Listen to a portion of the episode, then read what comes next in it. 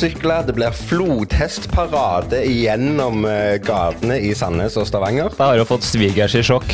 Og folk var liksom sånn Wow, dette er så sinnssykt kult! Noen ganger kan du faktisk bli så irritert at uh, det renner litt over, da.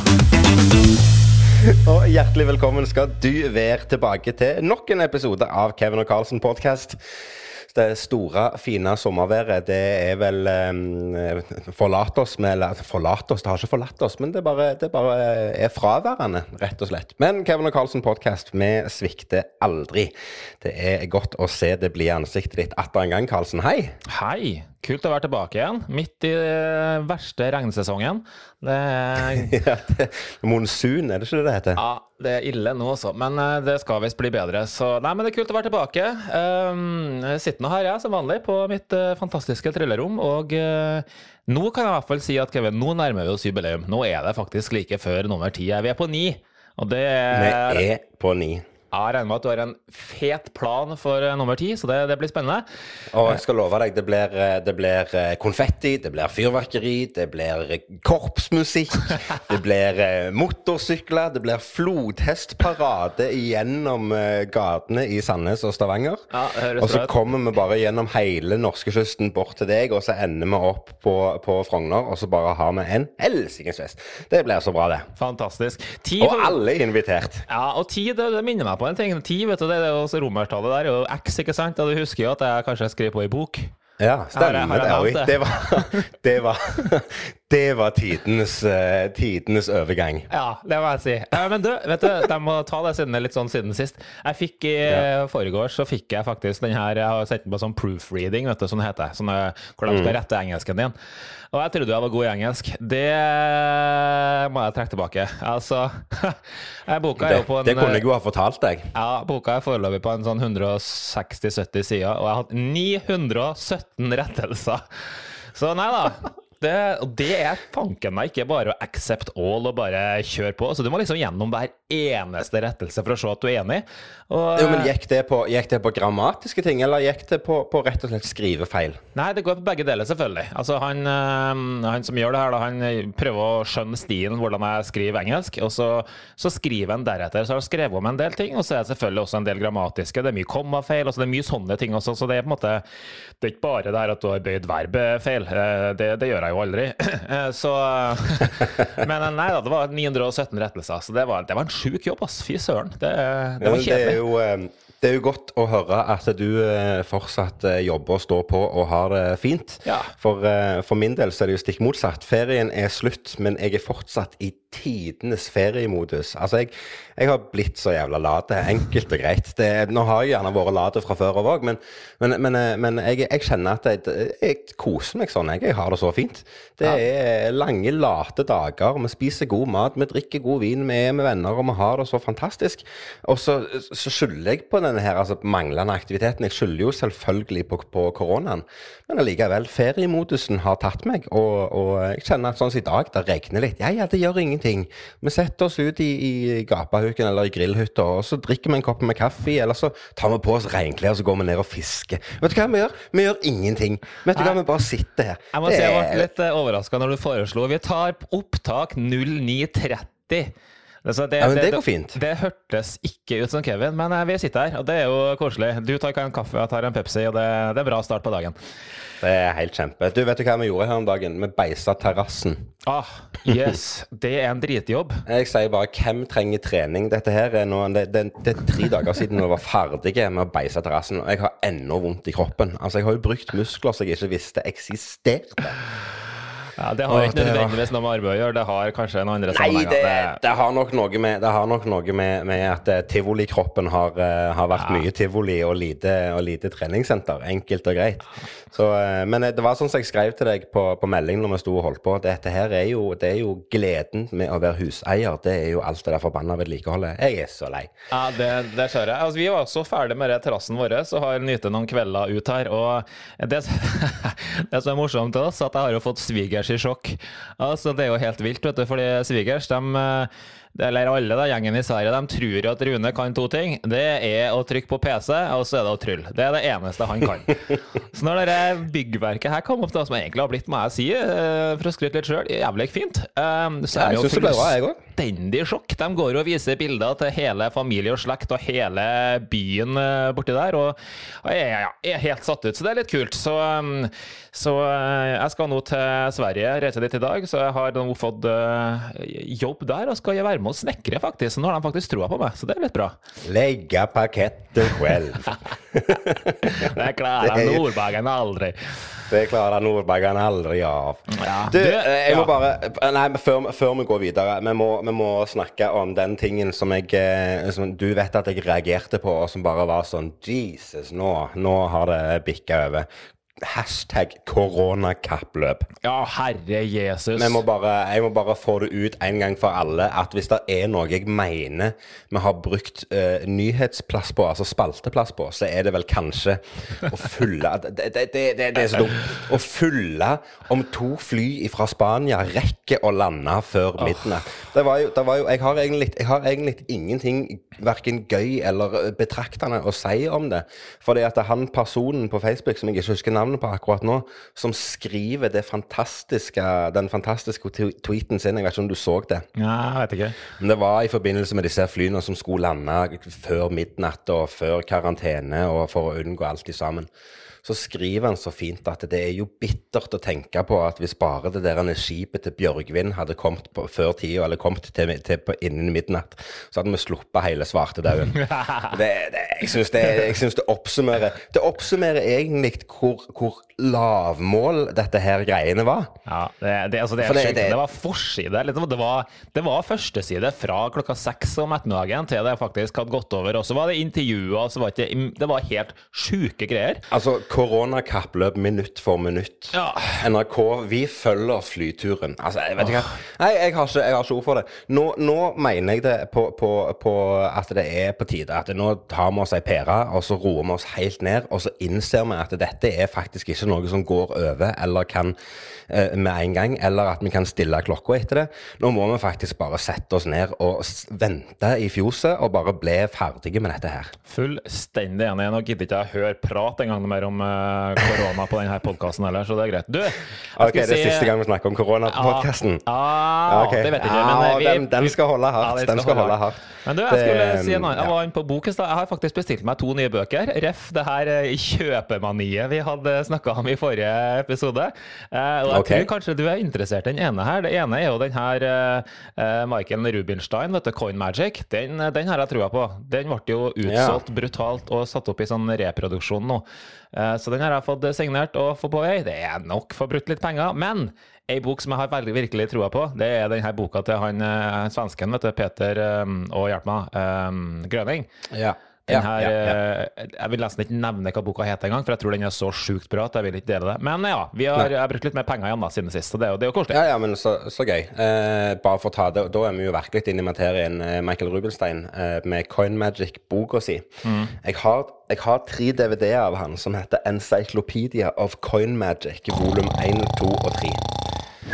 Jeg har sett de første ti minutter av volum 1.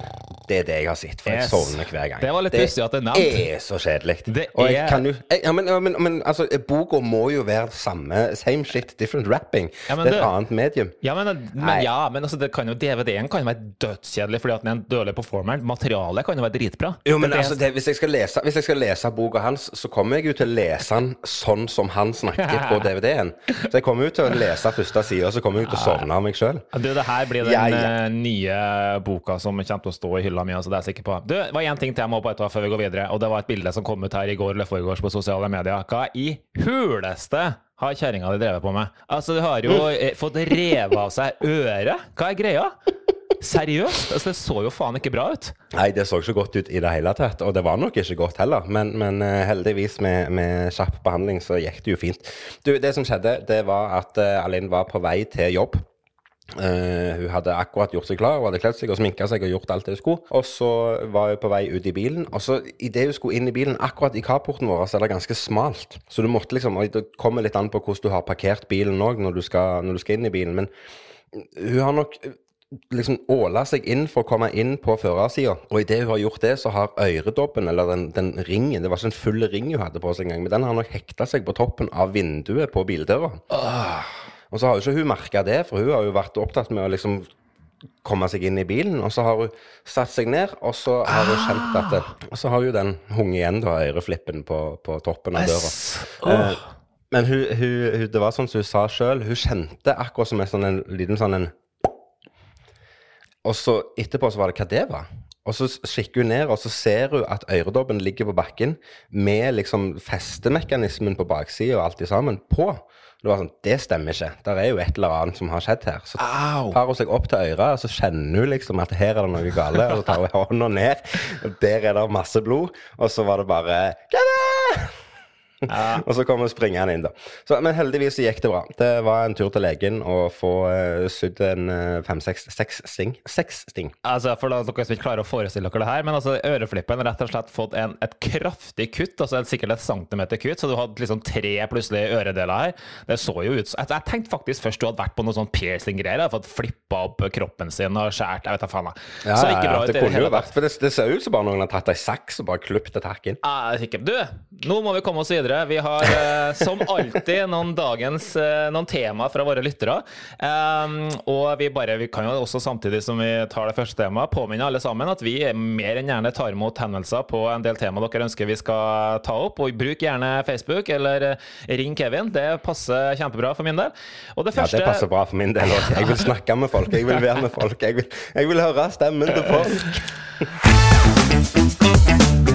Første tema i dag, Kevin, er som følger. Og det er, det er jo et trylletema, men det kan også applies til en del andre typer underholdningssjangre, tror jeg. Eh, Og det er fra Tommy i Trondheim, og han lurer på hvordan håndtere hecklers.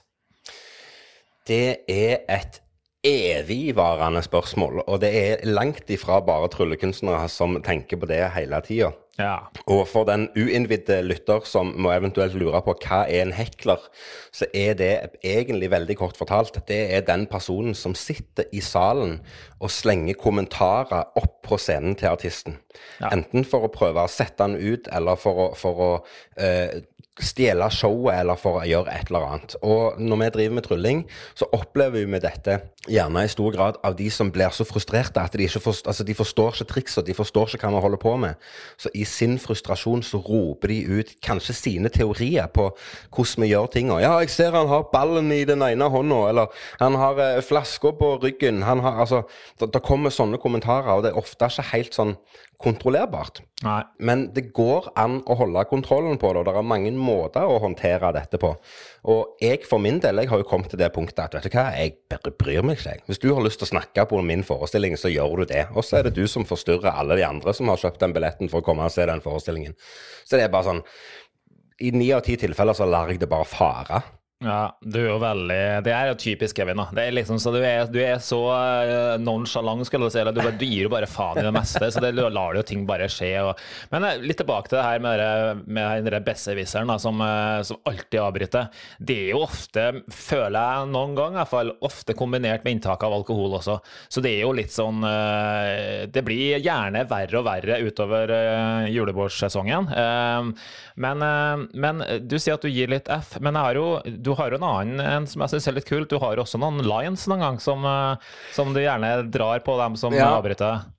Og det, men men det, er jo, det er jo veldig situasjonsbetinget, dette her. Fordi Ja. at, fordi at noen ganger så, så det, Igjen, jeg bruker jo publikum mye. Jeg vil ha kommentarer fra salen. Og det er gjerne derfor jeg òg har evnen til å ignorere en hekler. For jeg, jeg baserer mye av, av showet mitt på at folk skal snakke. Folk skal snakke til meg, og det er innafor. At jeg, jeg har lines som kommer som er morsomme, og jeg har liksom Hele den dialogen med publikum er lagd der for at han skal være der. Når noen da slenger en, en Altså begynner å hekle, eller er, noen slenger en hekkel, er det lov å si? Ja, Ja, jeg kaller det det. riktig. Ja. Når noen slenger en hekkel, så, så, så bruker jeg bitte bitte litt hjernekraft på å prosessere om, om dette er noe jeg kan bruke eller ikke. Hvis det er noe jeg kan bruke, så svarer jeg selvfølgelig tilbake. Hvis det er noe som bare er helt meningsløst, så lar jeg det ligge. Og så kan jeg eventuelt dra det opp igjen seinere. Men, men, men, sånn på stående fot, eh, hva svarer jeg? Jo, jeg kan svare så masse forskjellig. Altså, det, mm. det kan være så mye. Den, den, jeg bruker mest, kanskje, som er en sånn veldig fin en, som er en sånn koselig, der folk skjønner at å ja, her var det mye snakking. så hvis det er en som slenger en kommentar, så kan jeg avbryte det jeg står og snakker om, eller avbryte det jeg holder på med, bare for å henvende meg til denne personen og si at jeg, eh, visste ikke at du hadde så mange replikker i dette manuset akkurat her, f.eks. Mm. Eller, eller, så kan jeg si at, at Å ja, du hadde bokstavsex til middag i dag, du. Ja, altså, den, er sånn, den er fin. Da, den er gullfin. Og det, ja. handler jo egentlig bare om å, det handler jo egentlig bare om å vise både publikum og den personen som hekler, at her er det faktisk jeg som har kontroll. Dette er mitt domene. Du må vel snakke, men da må du bare være innstilt på at du får en, en, et, et, svar tilbake. Mm. Og så lenge det svaret kommer fort nok, så tror jeg den personen som hekler, blir litt satt ut. Ja. Og så får han eller hun det sånn som hun vil. Altså sånn Å ja, jeg fikk litt oppmerksomhet. Flott flott, da har jeg fått det. Ja. Så hvis du bare er på ballen hele tida og er klar for å ta disse her kommentarene som kommer, mm. på en positiv måte, så, så, så, er det egentlig ganske enkelt å håndtere det. Og det er derfor jeg sier at jeg driter litt i det. fordi at jeg er hele tida på ballen, for at jeg vil, enten så vil jeg gjøre dette morsomt og underholdende for alle, eller så vil jeg bare la det ligge. Og hvis du lar det ligge og ikke gir det oppmerksomhet, så er det greit. Ja, vet, Det er mange som sier at det er måten du skal håndtere heklere på. Du skal liksom uh, play by the rules. da. Og så at uh, det, du, du, For all del må ikke bli sint, for de har ikke, ofte så har ikke de noe vondt ment heller. så De skal jo bare ha det morsomt. Så poenget her så er jo litt sånn som du sier, du skal ha det morsomt tilbake. Men det er jo ikke det er jo ikke bestandig like enkelt. Altså, jeg har jo litt, også litt sånn tilnærming som deg, Kevin. Lar det gå, spille litt med dem, kanskje drar dem opp på scenen. Neste trikset bruker vi han. Fordi de er ikke så tøffe som de ser ut til. vet du. Når de først kommer opp på scenen og de skal være del av noe, så blir de litt mer tilbaketrukket. Det når de sitter litt langt unna og kan slenge opp noe, da er de litt tøffere. Men jeg, må, mm. jeg, jeg hadde en, en, en, en, erfaring som jeg syns var Og det eneste gangen jeg rett og slett hadde denne reaksjonen også. Jeg hadde gjort close-up, eh, type walk-around. Eh, og så gjorde jeg noe strikkgreier, og du kjenner jo til rutinene her. Og så skal jeg gjøre noe greier med noe strikk, og det første en fyr Da, da deler jeg ut strikkene, så jeg sjekker dem her, og så sjekker jeg det vanlige strikket osv. Hva gjør denne idioten da? Jo, han tar selvfølgelig og river i stykker strikket. Og så sier han ja, sånn tryllegutt, da kan sette dem sammen igjen, du. Ja, og hva faen gjør du da? Da har han liksom ødelagt hele greia. Da. Og da, da, så jeg bare på han uh, og bare pakka sammen. Og så sa jeg det lille uh, det, var, det, var, koselig så lenge det varte. Uh, kos dere videre i kveld. Så gikk jeg videre. Mm. Og det, mm. det, som skjer da, det er at han Jeg, jeg sa ikke noe stygt til han, men han ble en jævlig upopulær person blant sine venner rundt det bordet. Eh, og det endte ja, ja. med at de inviterte meg tilbake senere, hvor han da ikke var til stede. Så det er ikke mm. bestandig like enkelt å bare gi F, sånn som du sier, og spille eller. Det, noen ganger kan du faktisk bli så irritert at uh, ja. det renner litt over, da. Det, ja, og, og jeg, skjønner, jeg, skjønner, frustrasjonen din der og da. Men dette her syns jeg altså jeg synes egentlig fenomenet med heklere, gjerne spesielt i Norge, er litt, det er litt rart. for det at at eh, egentlig så har vi ingen tradisjon for hekling i Norge. Verken på, på en, på en standup-scene eller på tryllescenen eller på andre scener. Så er det egentlig en veldig liten tradisjon for dette. Eh, hvis du sammenligner en hekler i Norge med en hekler f.eks. på en standup-klubb i USA, mm. så, så, er det to forskjellige ting. For en hekler, som, som en, en, skikkelig hekler, er egentlig der bevisst for å prøve å sette artisten ut av spill. Mm. Skal, altså, det er liksom hele tida en test mellom publikum og artist om liksom, hvem er det som er best. Har mm. denne artisten kontroll? Mens her i Norge så har vi nok adoptert uh, begrepet hekling, og så er det litt på samme greia. Og det er mm. som jeg sa innledningsvis, at, at de som hekler en tryllekunstner, gjør det ofte fordi at de blir frustrerte. De skjønner ikke hva som foregår, og så skjønner de at de blir lurt, og så er det liksom sånn hele den der miksen av alle de følelsene egentlig som bare blir samla sammen, og så blir det til at de river rundt en strikk, eller at de tar et kort og bretter de to, eller at de Den, den, den klassiske er jo når du da står med en kortstokk og skal vise, skal vise et triks, og så ber du en person om å ta et kort, så tar han det kortet, og så snur du ryggen til fordi at han skal legge kortet inn i kortstokken igjen, og så legger de kortet i lommen. Det er sånn sånn det, det, det, er jo ikke morsomt, det er ikke gøy, det er ikke underholdende. Men det kan gjøres gøy hvis du vil. Men det er en sånn Hva er vitsen? Ja. Hvorfor gidder du? Et annet sånn klassisk greie for trylling er jo at du, du driver der, holder på med kort en stund, og han har jo blitt lurt sikkert i et kvarter, og så kommer han med det her forslaget. 'Å, kan ikke jeg få blande kortene, da?' Og, så, og det husker jeg gjorde. Jeg gjorde en jævlig kul greie en gang der, og så sa jeg 'Ja, du har lyst til å blande kortene', ja?' Ja, så fikk han kortene. Bare bland dem, du. Og mens han blander, så tar jeg opp en ny kortstokk. OK, vi andre vi kan trylle litt imens. Så, så gøy. Han, han skjønte jo ingenting. Det, jævlig, det, var jævlig kult. Men en, eh, vi har jo dratt en sånn referanse også tidligere, i hvert fall veldig ofte til sjakk, og jeg da til trompetmiljøet. Og jeg ser det for meg her også. Du sitter på en trompetkonsert, og så sitter jeg på bakerste benk, og så bare det, Dette her er lættis, det der er så jævla enkelt, jeg vet hva han gjør. Han bare puster sånn, og han trykker sånn. Det blir jo for dumt. Ja, det blir for dumt. Det blir for dumt. Jeg hører han er sur i den trompeten! Det, ja, det blir, det ble for uh, Men det, det ble for dumt. Men, men, samtidig, så, som jeg sier, det er jo det er litt gøy. Og, og, igjen, for min del, som bruker såpass mye dialog og samspill med publikum, så syns jeg det er litt kjekt at det kommer kjappe kommentarer. For det gjør ja. at hodet mitt òg må jobbe fortere. Det så det er noe gøy. Men det er et evigvarende eh, problem, og det er, nok et, det er nok et større problem for oss som står på scenen, enn de som sitter og står foran scenen. Ja, jeg tror eh, Bare et sånt tips da, til folk som kanskje sliter, hvis det er noen som sliter med heklere, så tror jeg eh, hvis du sliter med heklere og driver med close-up, Eh, så tror jeg en forutsetning for å unngå det, det er at du har gode alternativer, et arsenal av teknikk. fordi ofte så blir du hekla fordi at du faktisk avslører teknikken din. Det er sånn at Har du en dårlig dobbeltlift eller du har en et eller annet, så må du bare sørge for at du har et arsenal av alternativer, sånn at når han skal ta deg på denne dobbeltliften neste gang, så gjør du heller en top change, f.eks. Det er ikke han kjent med, garantert. Så det å kunne variere teknikken for å håndtere en hekle, tror jeg da, er helt avgjørende, sånn at han blir på en måte satt på plass. da. Ja, og igjen for den uinnvidde lytter som hører på og lurer på hva en dobbeltløft ja. eller en top change er for noe, så kan jo jeg anbefale at dere oppsøker eh, Carlsens bok som kommer i en bokhandel nær deg Jeg en eller annen dritt om dobbeltløft eller top change, skal jeg love dere. Så uh, bare se bort ifra de kommentarene, så kan vi heller, heller komme oss videre, kanskje, i uh, programmet. Hæ? Vi kommer oss videre i programmet.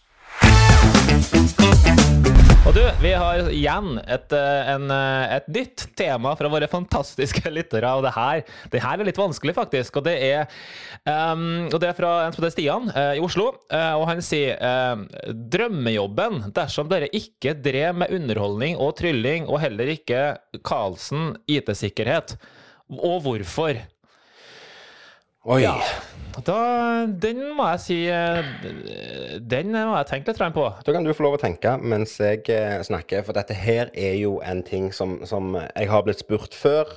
Eh, det er en ting som jeg har spurt meg sjøl om, og, og, det er sånn Jeg står jo på mitt og sier at jeg er så heldig at jeg har verdens beste jobb. Jeg får lov å jobbe med noe som jeg digger og elsker å holde på med, og jeg får lov til å være min egen sjef. Ja, det vil si, Alin er jo sjefen, men, men det, det, er nå greit.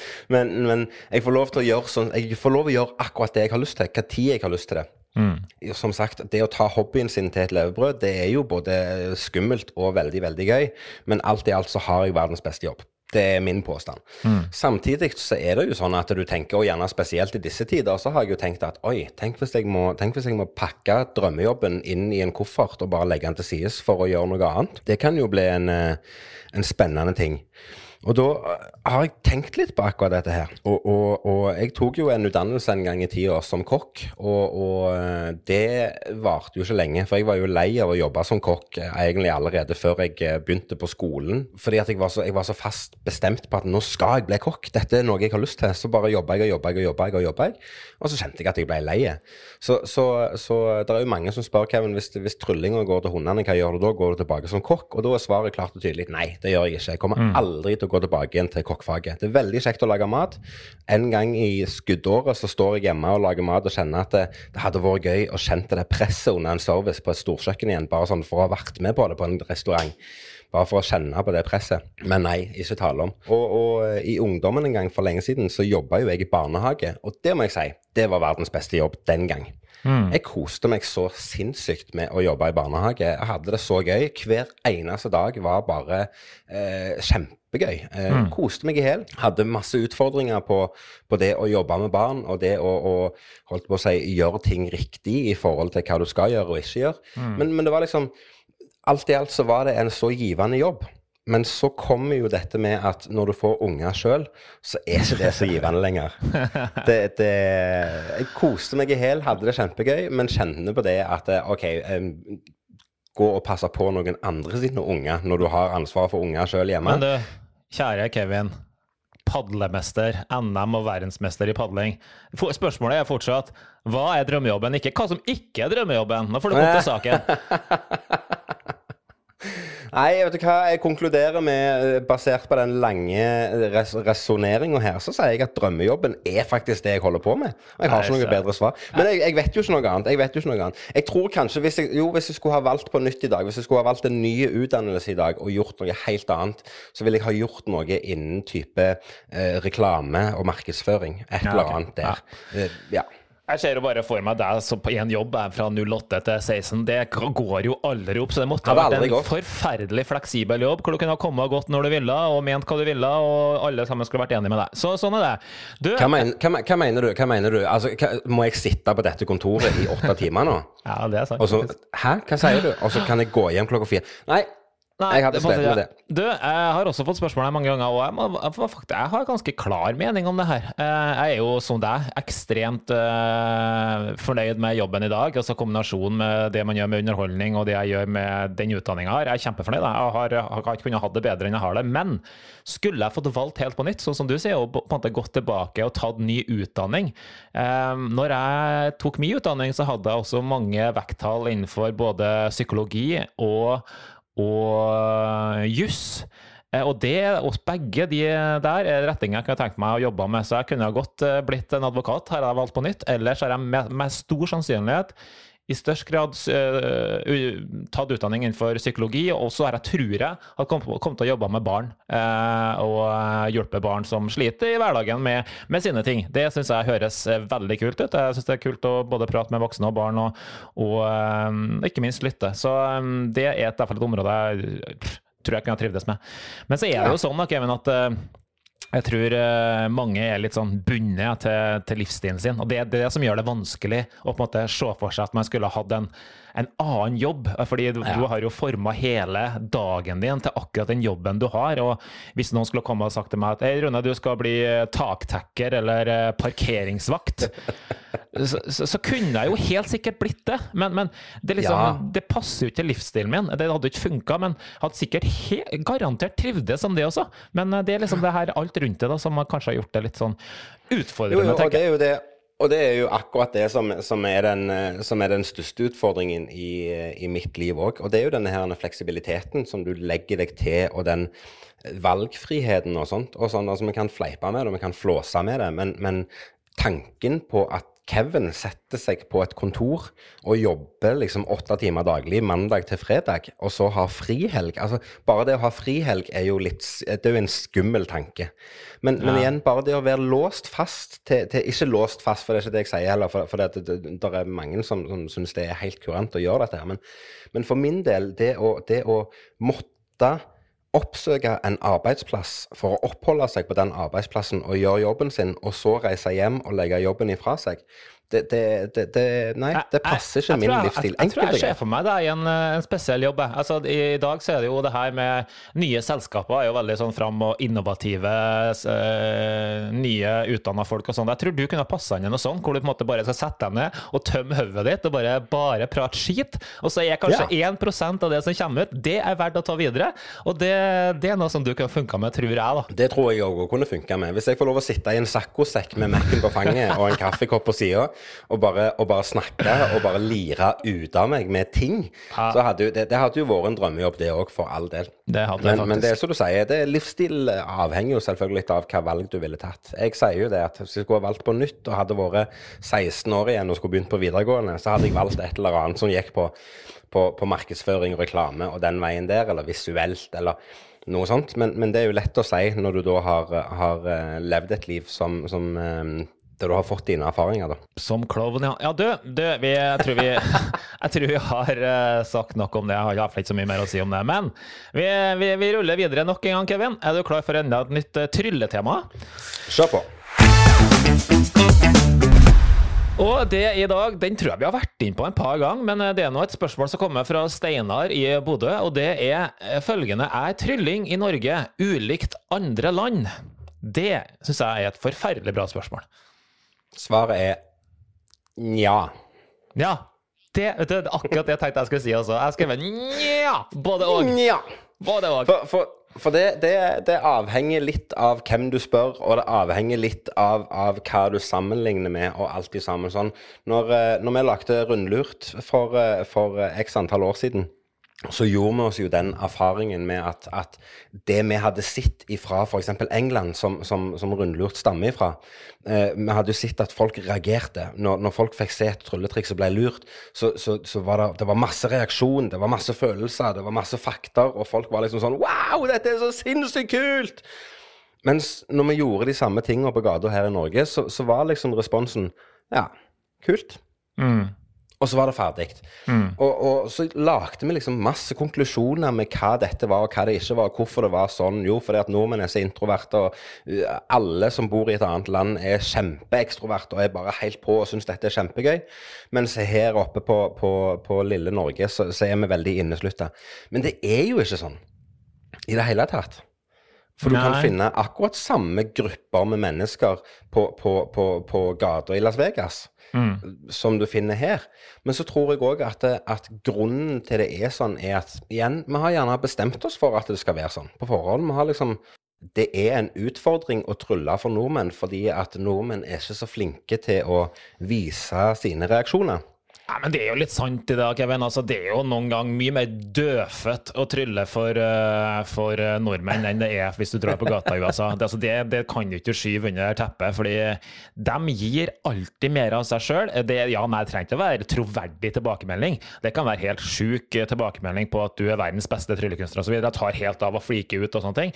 Og det, når vi ser sånne ting på TV, så er jo ikke det bestandig iscenesatt. Det er faktisk ekte tilbakemeldinger. Men vi vet jo det også, når vi har ordna grunnlurt for deg. Det var jo sjelden vi fikk det her freakende reaksjonene. Når det så fort de fikk et kamera i trynet, så ble de enda mer reservert. Men får du et kamera i mm. trynet på en amerikaner, så blir den jo enda mer eksplodert. Altså, så tar jo bare mm. enda mer av.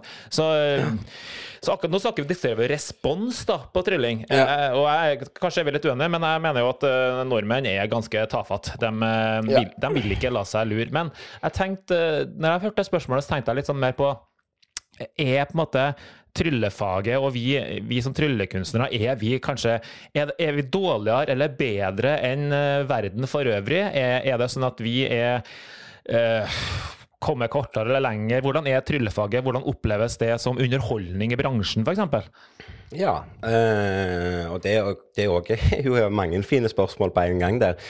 Um, jeg tror jo at, at, trylling som underholdning i Norge sammenlignet med andre land har en, en lavere rang og en lavere status. Eh, for, for, bare i, Hvis du reiser til England f.eks., så er det massevis av tryllekunstnere som blir booka inn til å bare gjøre noe så enkelt som å mingle i et bryllup. De, de, har, de har, faste kunder som leverer bryllupstjenester, der trylling er en del av pakken. Eh, det er mange restauranter som er villige til å betale en slant for at folk skal få lov å gå og mingle i lokalet der og, og, og gjøre trylling for gjestene som er der. Og disse tingene har jo ikke vi i Norge i samme grad. Vi leverer, Hvorfor ikke? Vi leverer, for jeg tror ikke det er en tradisjon for det. Og jeg tror rett og slett at grunnen er at her i Norge så har trylling vært brukt som underholdning i mange, mange år. Og, og, det har vært populært, og det har vært stilig. Men, men, det har veldig ofte gjerne vært knytta til f.eks. sirkus eller til, til barneunderholdning. Og derifra så er det gjerne ikke mange nok som har satsa hardt nok på å få opp og fram og ut til f.eks. restauranter. Da. For det er, jo, det er, jo, ingen restauranter i Norge som, som, hadde vært villige til å si at OK, Karlsen, du skal, få, du skal, få, 200 kroner i timen, og så går du rundt her og mingler for våre gjester og skaper god stemning. Det er jo ingen som hadde gjort det. Nei, for 200 hadde... spenn i timen, så er ingen som har gjort det. Det skal jeg love deg. Nei, men, men, men, whatever. Samme hvor mye det hadde vært. Men, men der, er, der, er jo, der, er, jo, ikke noe tradisjon for det. Ja. Og så, så, er det jo det at OK, men da må jo vi som driver med trylling, være pionerer. Da må jo vi ut og opp og fram. og å, å løfte dette fram sjøl. Ja. Men, men, men, men så, er det, så, så er det jo òg det at vi er et lite land, og av alle de som bor i dette landet, så er det ikke så veldig mange tryllekunstnere generelt.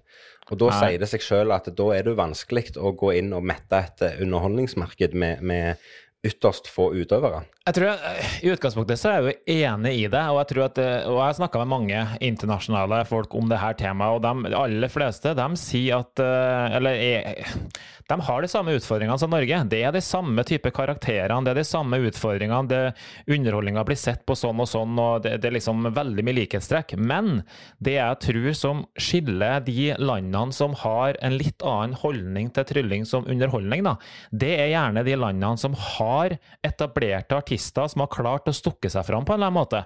Og så når for eksempel eh, La oss bare ta litt sånn nyere ting da, som folk, eh, alle lyttere kan forholde seg til. Shin Lim, eksempel, som vant da America's Got Talent her. Eh, det bidrar jo enormt til at trylling eh, blir sett på en helt, på, en helt annen måte. Og hvis vi ser i, som du nevnte, England, eh, og, og litt sånn fete jobber der, så, så har man jo artistene der som, som har dratt Og det går historisk tilbake også, som har på en måte vært eh, gode tryllekunstnere og representanter i veldig mange år. Og hvis du name-dropper navn som ja, Dynamo og eh, Chris Angel, Darren Brown og, nå snakker- og David Blaine osv., så, videre, så er det artister. Og det er ikke artister som nødvendigvis har blitt gode artister for at miljøet er så himla bra. Det er fordi at de har klart å komme seg fram, har kanskje hatt et produksjonsselskap i ryggen, eller har turt og tatt skrittet ut, og så har man lyktes. Og det er, tror jeg, litt ofte mot alle odds. For det å lykkes på den måten som kanskje de her artistene har gjort, det er litt mot eh, alle odds. da, så Du kan gå til Sverige også. Se på Joe Labero, eksempel. Du kan gå på og spørre hvilken som helst svenske. Eh, Nevn en svensk tryllekunstner. Alle vil si Joe Labero. Og hvorfor det? Jo, fordi han har turt å ta skrittet ut. Og Vi kan mene hva vi vil om Joe Labero, men han er en fantastisk representant for trylling i Sverige og, og Ja, ja, sånn at jeg tror at det henger veldig mye tett sammen med at man kanskje ikke tør å ta skrittet ut og virkelig gå sin egen vei og skape sin, eh, sin egen eh, framtid eller posisjon innenfor underholdninga. Så det er litt sånn passivt å bare si at nei, trylling det er bare sånn eh, klovner og barneunderholdning. Det er jo ikke det. Du, du kan være med å skape det her. Du kan bestemme hvordan faktisk markedet oppfatter trylling, og få med deg media og produksjonsselskap på det. Så det, det er fullt mulig. Helt enig. Helt enig i alt det du sier. Men, men, men det er klart, som jeg sier òg, at, at når du har et såpass eh, for det første et lite miljø i et lite land, så, så, så vil jeg jo påstå at, at selv om det ikke er begrensninger, så er det allikevel noen begrensninger i form av at vi er så få mennesker. Hadde ikke, altså, Bør man ikke heller se på den utfordringa helt motsatt? I og med at vi er så lite land, så bør det være superenkelt å etablere seg. Og få en sånn Den ene som kan trylling i Norge, eller kan den formen for underholdning, han, du bør vært, Veien ligger jo helt klar for det. Det er bare å stikke Ja. nesa fram, og så har du full kontroll. Nei, jeg syns det er litt sånn passivt, da. Um, så jeg tenker hvis du prøver å spørre i dag nordmenn, kan jo nevne eh, norske tryllekunstnere, så tror jeg du får navn som eh, Davido, Arnarlo, kanskje Finjon. Du får Alex Alexander, det er jeg ganske sikker på. Du får sikkert noen som sier Tore Torell. Mm. Og er du ytterst, ytterst, ytterst helden, så kanskje noen name opp på Kevin Lunde og Rune Karlsen. Men, eh, og, og det er jo en haug med gode tryllekunstnere i Norge, men det er ing, vi har ikke klart å etablere oss som de andre navnene som vi kanskje har nevnt her i stad. Så det du sier, det er egentlig at, at uh siden vi ikke har en eller flere godt etablerte hva skal du si, tryllekjendiser, så, så blir trylling i Norge ulikt f.eks. USA eller England, fordi at de har store navn som folk på gata vet hvem er. Ja, men det tror jeg helt sikkert. Altså, har, har du hatt sånne navn som, eh, som eh, la oss, Sånn som Shin Lim holder på å etablere seg i USA nå. Han har jo blitt en eh, nasjonal hero, stor stjerne i i USA. Og det å komme fram som tryllekunstner og plutselig bli en forferdelig stor stjerne i USA, det er ikke enkelt. Og selvfølgelig legger det veien til rette for andre tryllekunstnere også. Det, det er ikke jeg i tvil om i hele tatt. Så det å kunne hatt en som har kommet fram og, og øh, staka denne veien eh, for underholdning og trylling i Norge, tror jeg har vært helt avgjørende. Så ja, det er min mening, da. Jo, jo, men det er en god mening, det. Ja, du, du står nå der og er helt sikkert uenig som vanlig når jeg prøver å si noe, men. Nei, det er, sjelden, det er sjelden jeg er uenig med deg, faktisk. Vi er som regel alltid enige, og det bunner jo tilbake til helt ifra første gangen vi begynte å krangle for 20 år siden òg. Så viser det seg jo at det egentlig så kan vi sitte og krangle så busten fyker, og så når vi bare får tenkt oss om og resonnert litt, så er det faktisk Å ja, vi er uenige likevel. Ja. Så, så vi kan debattere til krampa tar oss, men vi vil som regel alltid ende opp med å være enige. Men jeg tror nok vi, Du starta litt med å si uh, hvordan trylling anses i Norge. og det, vi kan jo, Jeg vil i hvert fall avslutte med å si at det, det å lære seg trylling, da, uh, og på en måte den inngangsporten til å komme i gang med trylling, er jo ekstremt lav. Altså, Du kan kjøpe deg et del av tryllesett eller tryllebok, og så kan du trylle i morgen. Eh, og igjen, ja, ja. referer til, eh, til, sjakk eller instrument, så, så, vet du at der er det mange, mange, mange mange år med øving før du i hele tatt kan vise eller oppnå noe som helst. Så det kan jo være med å farge det her en del også, tror jeg. da. Eh, uten at det skal være noe vondt ment. Jeg tenker det, det kan være positivt også. Så, Men du, ja. jeg har lært noe nytt. Da, da kjører vi. Og jeg må jo si det at, at det er jo Jeg syns jo det er gøy dette her med at vi hele tida, eller hver episode, skal finne en ny fun fact. fordi at det, det bunner jo ut i det som jeg liker veldig godt, lære noe nytt hver dag. Samme hva det er for noe. Jeg vil ha en ny faktaopplysning eller en ny en ny kunnskap eller whatever. Ting som jeg har, har, lært meg, det vil jeg ha en ny ting hver dag. Den beste måten å gjøre det på, det er jo egentlig å utvide sitt eget nettverk og, og snakke med nye folk. Snakke med mennesker som, som kan gi deg noe til, tilbake hele tida. Altså utvide nettverket sitt. Og dagens fun fact fra meg, Karlsen, handler nettopp om det med å utvide nettverket sitt. Fordi at vi mennesker liker jo å tro at vi er liksom overlegne alle andre, spesielt dyret på, på planeten og sånne ting. Men det finnes nemlig eh, noen dyr, f.eks. dvergsjimpansen, som er ganske like oss. De er veldig like deg i utseende, og så er de veldig like meg i oppførsel. Men dvergsjimpansen foretrekker å dele maten med fremmede individer for å utvide sitt sosiale nettverk. Og det syns jeg er litt kult. Sterk kontrast til deg, tenker jeg det første du meg. Nei, nei, på, på ingen måte. For, for, eh, for, eh, Nei, jeg deler ikke min egen mat, men jeg kan godt lage litt ekstra, så du òg kan få. Ja. Nei, men, men, men, det viser jo liksom òg at, at eh, det, det, det, er en, det, er en, fantastisk måte å utvide nettverket sitt på. Mm. Jeg sier ikke det at du skal invitere fremmede mennesker hjem til deg for å, for å gi dem mat, men, men, å få litt samme mentalitet som f.eks. en dvergsjimpanse, det tror jeg er tøft i hverdagen. Ja, For da lærer vi noe nytt. Sånn Firestjerners middag det er stammer egentlig ideen fra denne funfacten? At du skal dele Det er en gjeng med apekatter som skulle lage mat til hverandre. Det var det det var. Fantastisk. Jeg elsker denne spalten, faktisk. Jeg vet aldri hva du kommer med, og det er litt kult. Men du, um, både jeg og du bruker jo PC masse. Og eh, jeg vet ikke med deg, Kevin, men jeg bruker jo touch-metoden når jeg skriver på PC. Gjør du? Uh, nei, jeg har lært touch-metoden, men, men uh, jeg har uh, Det vil si, jeg har lært det, og så har jeg bare aldri brukt det. Så derfor ja. så, så, Det går så himla treigt. Ja, så du bruker ørnemetoden, med andre ord. Men jeg, jeg bruker en, ørnemetoden. Ja, jeg, bruker, jeg, har jo brukt touch nå, jeg fant det ut i over 30 år. Det, det er jo helt drøyt. så jeg tok en test her på nettet, og jeg, det er faktisk helt sjukt. Jeg skriver 550 tegn per minutt, og, og da har jeg 98% rett. og Det, det er faktisk sjukt fort. Men ja. så slo det meg i etterkant, da. Hvorfor er det sånn at vi, hvis du kan touch, så skriver du så himla fort? Mm. for det mm. kan jo virke som at det tastat, Hvis du kikker på tastaturet ditt, så er jo bokstavene ja, tilsynelatende ganske tilfeldig plassert. ikke sant? Det er hulter til bulter. Mm. Eh, hadde det ikke vært raskere eh, om de sto i en slags sammenheng eller alfabetisk rekkefølge, eller er de plassert sånn som de er, nettopp fordi at du skal kunne skrive fort? Og da er det jo veldig fristende å si ja på det siste her, ikke sant? Eh, mm. men, men, hvis du tenker deg litt om, så kan ikke det stemme heller, fordi det eksisterer jo 6000-7000 ulike språk, og det kan ikke være sånn at tastatur funker for alle språk. Og, og, da, og det tastaturet vi har, det heter jo det her Kverti-tastaturet, ikke sant? Det kjenner du til. Um, mm. Og det her så måtte jeg bare sjekke opp litt, og da fant jeg ut at det her tastaturet det, jo, det stammer jo fra gammelt av. Eh, fra de her mekaniske skrivemaskinene osv. Um, ja. Og i og med at de var mekaniske, så hadde de også sånne typiske mekaniske problemer. Er, hvis du tenker litt tilbake, så husker vi det her skrive, det skrivemaskinene som hang seg litt opp, og stemplene fastna og alt mulig grann her. Så mm. det de gjorde, da det, det her er litt morsomt, fordi de laga da det her tastaturet nettopp fordi at du skulle skrive saktere. Så du skulle yeah. unngå de her mekaniske feilene. Ja. Det er bakgrunnen for hvordan tastaturet ditt ser ut. Og det er jo litt som motstridende. De har jo ikke lyktes, fordi du skriver jo superkjapt hvis du kan touch. Det viser jo bare at eh, metoden, eh, eller eh, så lenge du har en god metode, så funker det uansett. Så om tastaturet hadde sett annerledes ut, så hadde vi fortsatt skrevet akkurat like fort. Det syns jeg er litt morsomt. Mm. Ja, det er veldig gøy. Veldig gøy. Det... Men jeg hadde en, en oppfølger til den nå, og det er at hvis du kikker på tastaturet ditt, bare hvis du ser på det nå, Kevin, og så skulle du ha prøvd å lage et ord bare ja. basert på ei linje på det tastaturet, f.eks. den øverste linja av bokstaver, så er det sånn at ja. det, det, lengste ordet du klarer å lage, mm. på enten linje 1, 2 eller 3, vet du hva det er for noe? Nei. Det er typewriter. Og ja. alle de bokstavene er på øverste linje, og det er også litt morsomt. Det er òg ganske kult, faktisk. Ja, Det er faktisk ganske ser, kult. Det har jeg aldri, har jeg aldri tenkt på. Nei. Men det ser jeg jo, det er klart og tydelig. Ja, det er litt kult. Så det var kult. dagens uh, fun fact fra Kevin og Karlsen.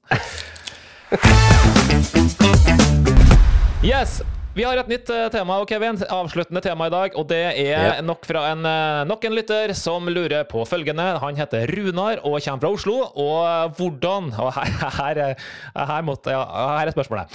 Hvordan er det å leve med en tryllekunstner? oh. Det er fest og basar hver eneste dag. jeg vet ikke, jeg. Uh, jo, vi ville sikkert påstå det, men uh, her skjønte jeg jo fort at her kan ikke jeg svare på egne vegne. Du må, her... jo, opp, må jo oppsøke litt eksperthjelp. Ja, jeg måtte. Og uh, jeg vet ikke om du har snakka med kvinnskinnet ditt, men jeg har snakka med mitt kvinnskinn. Og, ja. og hun var jo ustoppelig. Jeg har jo en lang liste med hvordan det er. Uh, men, ja, få høre. Ja, jeg kan ta en par, og så skal vi, vi må drodle litt på den her, for den er litt morsom. Ja, det kan vi godt. um, Uh, Jessica har jo ræva tålmodighet generelt i livet. Det er, hvis det ikke skjer på 1, 2, 3, så skjer det ikke. Men hun påstår at grunnen til det, det er for at all tålmodigheten går til meg. Uh, så all den her ekstreme øvinga og sånne ting, det mener hun da er det hun bruker tålmodigheten, tålmodigheten sin på. Uh, så jeg vet ikke, jeg. jo, men jeg, jeg, tror, jeg, tror, det er kort oppsummert, for dette har jo både meg og deg snakket om før, og vi har snakket om dette sammen med Aline og Jessica òg òg. Det handler jo om dette her med at, at du, du, du, går så inn i materien, du går så inn i det, og så blir liksom trylling som er jobben, det blir en del, det blir liksom hele livsstilen. Mm. Så derfor så blir det istedenfor at du, du går på jobb eller oppsøker et kontor for å jobbe med, med fag, og så kommer du hjem og så legger du til side, så blir det jo til at det, at det ligger og flyter overalt. Det, det, ja, du går hele tida og tenker trylling, det ligger trylleutstyr overalt, og, og jeg har jo omsider klart å liksom prøve i hvert fall å holde det eh, litt, litt nedpå. Altså, det, det, ligger trylling overalt i huset, men, men det ligger ikke og flyter på samme måte som det har gjort før. Så Nei. det har jo gjerne blitt bedre sjøl òg. Men, men, det er helt klart at, at når, du, når, du, lever med en person som har jobben sin som en livsstil, så, så blir jo det både positivt og negativt. Enkelt og greit. Ja. Jeg, tror jeg, tror jo, det at det å leve med en sykt dyktig eiendomsmegler kan være stressende til tider, det òg. Fordi at ja. en eiendomsmegler går ikke på jobb. Eiendomsmegler er megler. Altså du er på jobb 24 timer i døgnet. Så det blir jo det samme. og, og når vi har det sånn som det, så er det jo klart at det, kan, jo, det kan, jo, være både positivt og negativt å leve oppi det òg. For det, ja. jeg kan jo tenke meg sjøl altså Hvis, hvis Alinn hadde, hadde, drevet med, med, med, brodering og det hadde, Ja, men det var bare det var, det var første som kom på, for jeg så et broderi her. Eh, men hvis Alinn hadde jobba fullt med broderier, og det hadde fløte med broderier i hele huset, og, og, og det eneste Eller ikke det eneste, men, men jobben hennes var å gjøre broderier, så hadde jo hun vært så inni materien hele tida at det, det, hadde gjerne vært vanskelig å snakke med henne om andre ting. På samme ja. måte så det kan være vanskelig å snakke med meg om, trull, om, noe annet enn trylling. I hvert fall hvis jeg holder på med et prosjekt, et nytt show eller skal ut og gjøre et eller annet sånn. Så er du jo så inne i materien at det er jo grusomt å jobbe med. Ja. Det er rot, og det er ting som skal lages, og det er rekvisitter som ligger her. og Alin kan komme hjem, hun, så har jeg stått her bare om noe så enkelt og lagd noen kortgimmicker. Da flyter det jo med kortstokker i hele huset. Der er skalpeller på bordet, der står lim, der lukter rubber rubbersement i hele huset. Det er liksom sånn det Det, det der, det, det er så mye. Ja, det er sant. Du var jo inn vi nevnte jo, jeg husker jeg nevnte et ord her som jeg syntes var veldig morsomt i en tidligere podkast. Det var jeg med hybelkaniner. Uh, og du nevnte jo at det ligger liksom overalt. Uh, jeg husker vi hadde et, Jessica la ut et morsomt Instagram-bilde her for et år eller to siden hvor hun hadde tatt fra støvsugeren og skulle liksom støvsuge bak uh, sofaen. mm. Det var jo ikke hybelkaninene som var det store problemet, det var jo kort, og det var drit ja. og faenskap fra min trylleverden. Men um, det jeg også skulle være inne på, at jeg har jo liksom eh, prøvd å få henne til å prøve å være litt interessert i det jeg driver på med. da, For det er jo ikke bestandig så enkelt å vise interesse for trylling. Det, det, det har jeg innsett. Men så det, det hun sa, da Hun, hun mener sjøl at hun har blitt ekstremt flink til å stille spørsmål om ting som hun ikke bryr seg om i det hele tatt. Og så gir hun egentlig faen i hva, hva, hva jeg svarer, for det glemmer hun på tre sekunder uansett. Og det tror jeg faktisk er noe i, altså. ja, men, men det, det igjen, som jeg sier, det handler jo om at, at, de må jo dessverre leve med mennesker som er så langt inne i materien og, og går og kverner på dette her 24 timer i døgnet. Og da ja. kommer du til et punkt der du bare ikke gidder mer. Det blir sånn, Gidder du faktisk bare å holde kjeft og spørre meg om regningene er betalt istedenfor? Jeg husker en annen ting, forresten. Det var når vi skulle kjøpe huset her. Det er fem år siden. Da satt vi og kikka litt på prospektet og var her på visning og sånn, og så bare begynte vi å telle, telle soverom osv. Ja, der skal den, og der skal framtidig barn, og det er vårt, og der skal gjest og sånn. Ja, og og så var det selvfølgelig det siste rommet. Det var tryllerom. Det var ikke diskusjon om det skulle brukes noe annet. For jeg må jo ha tryllerom, og sånn er det. Det syns hun ja. var litt uh, merkelig, da. En annen ting som, eh, som hun syns også er litt sånn greie, da, at det er aldri spørsmål om vi skal dra til Blackpool. Det er liksom nei, nei. Blackpool det er februar. Det er andre uka på februar. Det skal vi alltid. Altså Selv nå ja. når Jakob kom til verden Jakob var stakkars to måneder gammel. Hva skulle Karlsen? Han skulle til Blackpool. Så det Ja. Jo da. Nei, men det var det jeg skulle si òg. At jeg tror, det, jeg tror, det, er eh, både like mye og like lite utfordrende som å leve med en hvilken som helst person. Men, men når du har personer som går inn i materien sånn som vi holder på, så, så kan det bli veldig mye. Enkelt og greit. Det, men jeg tror innerst inne at, at, eh, vi skal være enige om at det er ganske greit å leve med oss likevel. Men, men, okay, men hvis dere drar på en sånn kjærestereise uh, ja. jeg, La oss si drar til Paris, eller drar til et eller annet. nå er jeg spent Nå er jeg spent på spørsmålet. Nei, men, nei, men, men, seriøst, hva skjer da? Jo, selvfølgelig, dere skal ut og spise og skal se på de her fantastiske greiene i det landet osv., eller byen, da. Men det er jo én ting du absolutt må, og det er jo selvfølgelig Du skal google, og du skal sjekke hvor er tryllebutikken i denne byen, og er det noe show som du kan få med deg? Altså, det her er jo standard. Alltid. Det er standard, og det, det, det, Ja, helt riktig. Du vil jo oppsøke et, eh, et nettverk og et miljø som du, som du, har kjennskap til. Samtidig så tror jeg, jeg tror faktisk jeg har blitt litt flinkere på det der i forhold til hva jeg var. For jeg kunne jo fint jo, ja, for jeg kunne fint i, i, i ungdommen, holdt jeg på å si, så kunne jeg fint eh, sitte og lure på hvor har jeg lyst til å reise, og så oppsøker jeg en plass der jeg vet at det er et rullemiljø. Ja. For da er jeg liksom sånn, sånn, Da har jeg jo kontakt med, med, mennesker som jeg kjenner. Men jeg trenger ikke det i samme grad som, som eh, Nei, kanskje ikke før du drar. Men når du først har kommet dit, sånn som vi var i Paris da, så Ja, vi hadde fine dager i Paris, så, men så, så må jeg jo på denne tryllesjappa. Eh, ja. og, og, og, da må du ta T-bane, hytte og gevær, og så må du gå en 20 minutter. Når du endelig kommer fram, så er det jo bare et ræl av en jævla butikk som du har sett ja. alt fra før, men du må liksom bare Check, check, du har vært der. Jo, jo, men, og, det, og der, kjenner jeg meg, der kjenner jeg meg faktisk igjen. For det, ja. det, er ikke så lenge siden meg og Alin var en tur til, til Newcastle. Nei. Og Det er en by som jeg har vært i ganske mye. Eh, og midt inne i byen der så lå det en tryllebutikk før. Så, mm. og, det, og, det, visste jeg, for den har jeg vært på mange ganger. Uh, også, eller litt, litt ut forbi byen. Det er ikke langt. Det er sånn Fra hovedgata i Newcastle og til butikken så tar det gjerne fem minutter å gå. Og Det visste jeg når vi skulle der, så visste jeg at den butikken var der. Så tenkte jeg at hvis det er rom for det, hvis vi likevel er ute og går en dag av dagene vi er der, så skal vi selvfølgelig innom der. Men det er ikke et must, for det er bare en vanlig tryllebutikk. Så det er ikke noe det er ikke noe mekka for tryllekunstnere i det hele tatt. Nei. Utfordringen var bare at når vi kom der, så fant jeg tidlig ut at denne butikken har jo bytta plass. De har jo endra lokaler og vokst noe jæklig og greier. Så de har jo nye lokaler. Ja. Og jeg tenker det kan jo ikke være så langt. Så prøvde jeg å google litt og fant faktisk en adresse som, som der de hadde et nytt showroom. Så tenkte jeg da reiser vi der. Hvor er dette hen? Ja, det ligger litt ut forbi byen.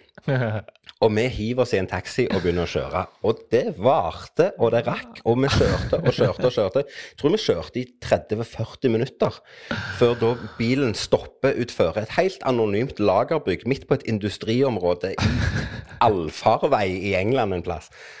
Så var det bare sånn Å ja, er det her? Ja, så gikk vi ut. Og idet vi gikk ut av bilen, så forsvant jo bare taxien. Han kjørte jo bare. Han hadde fått pengene sine, så det var greit. Og så fant vi omsider denne her butikken. Det var akkurat samme butikken som det alltid hadde vært, og det var ingenting spennende. Men der var vi i en time, og så sa vi hei til de som jobba der, og så sa vi hei til noen gamle kjente, og så var det OK, takk for i dag, og så snakkes vi. Ja. Og så var det bare å vente ut forbi på en ny taxi for å kjøre inn til sentrum igjen. Så vi brukte jo liksom fire timer med meningsløse tid bare for at vi skulle se den forbanna tryllebutikken. Ja, det er en morsom story. En annen ting som Jesse kan nevne og trekke fram, og det her er faktisk et veldig godt poeng, og det er at uh, hun kan bare drite i å spørre hva kosta det trikset. Uh, hun vet at det som regel er dyrt, men samtidig så kan hun ikke mene om det, fordi hva skjer med det trikset? Jo, vi tjener penger på det. Så det er liksom, det kan vi forsvare det alltid med. Nå har vi jo vært inne på det her før at vi kjøper jo masse ræl vi ikke tjener penger på, men det er iallfall argumentet vårt. Men det som er så jævla teit, da, det at hun har nå funnet ut at du kan bruke det her mot meg. Fordi ja. nå er det sånn at eh, du vet jo, vi har også brukt masse penger på mynter. Eh, for dem som ikke er tryllekunstnere ute der, så er det selvfølgelig spesialmynter osv. i det her miljøet. Og nå er det sånn at eh, når hun kjøper seg dyre ting, så får jeg en parat tilbake. Det koster bare en tryllemynt. Ja. Ja, så det, da er det bare det å er helt- oversette Det er helt innafor. Så det Ja. er bare å oversette det. Og så er vi bare enige om at eh, sånn som jeg sa i stad, jeg tror det er krevende, og samtidig veldig lite krevende, å bo med en tryllekunstner. Så det er Ja, det er konklusjonen. Innerst Mm. Det er inne så, så har vi det ganske bra. Du, vi nærmer oss, vi nærmer oss en time. Det er jo nesten ny rekord. Ja, det er jo så utrolig hyggelig å prate med deg. Det er i hvert fall det sto i manuset mitt at jeg skulle si her, men, eh, men eh, vi nærmer oss slutten som vanlig, Kevin, og vi har vel en gjeng vi skal takke igjen, skal vi ikke? Jo, vi skal, vi, skal takke våre fantastiske lyttere for at de orker å følge med og igjen være engasjerte og stille spørsmål og komme med forslag til, til, til ting som vi kan snakke om. Ja, og ha, ikke minst, ha i bakhodet nå, neste sending, da er det nummer ti. Og hvis du har noen sinnssykt gode ideer til fantastiske tema, så kontakt oss. Så eh, Ja, det, var derfor, det var derfor jeg datt litt ned på slutten her, for jeg begynte Ja. å liksom tenke på denne her paraden som jeg skal arrangere for Ja. og konfetti og musikkorps. Så det blir eh, veldig spennende. Og eh, skal vi runde av før det har bikka en time, eller? Det skal vi gjøre. Tusen takk for, eh, for tida, alle sammen. Ha en fantastisk sommer videre. Ha det bra!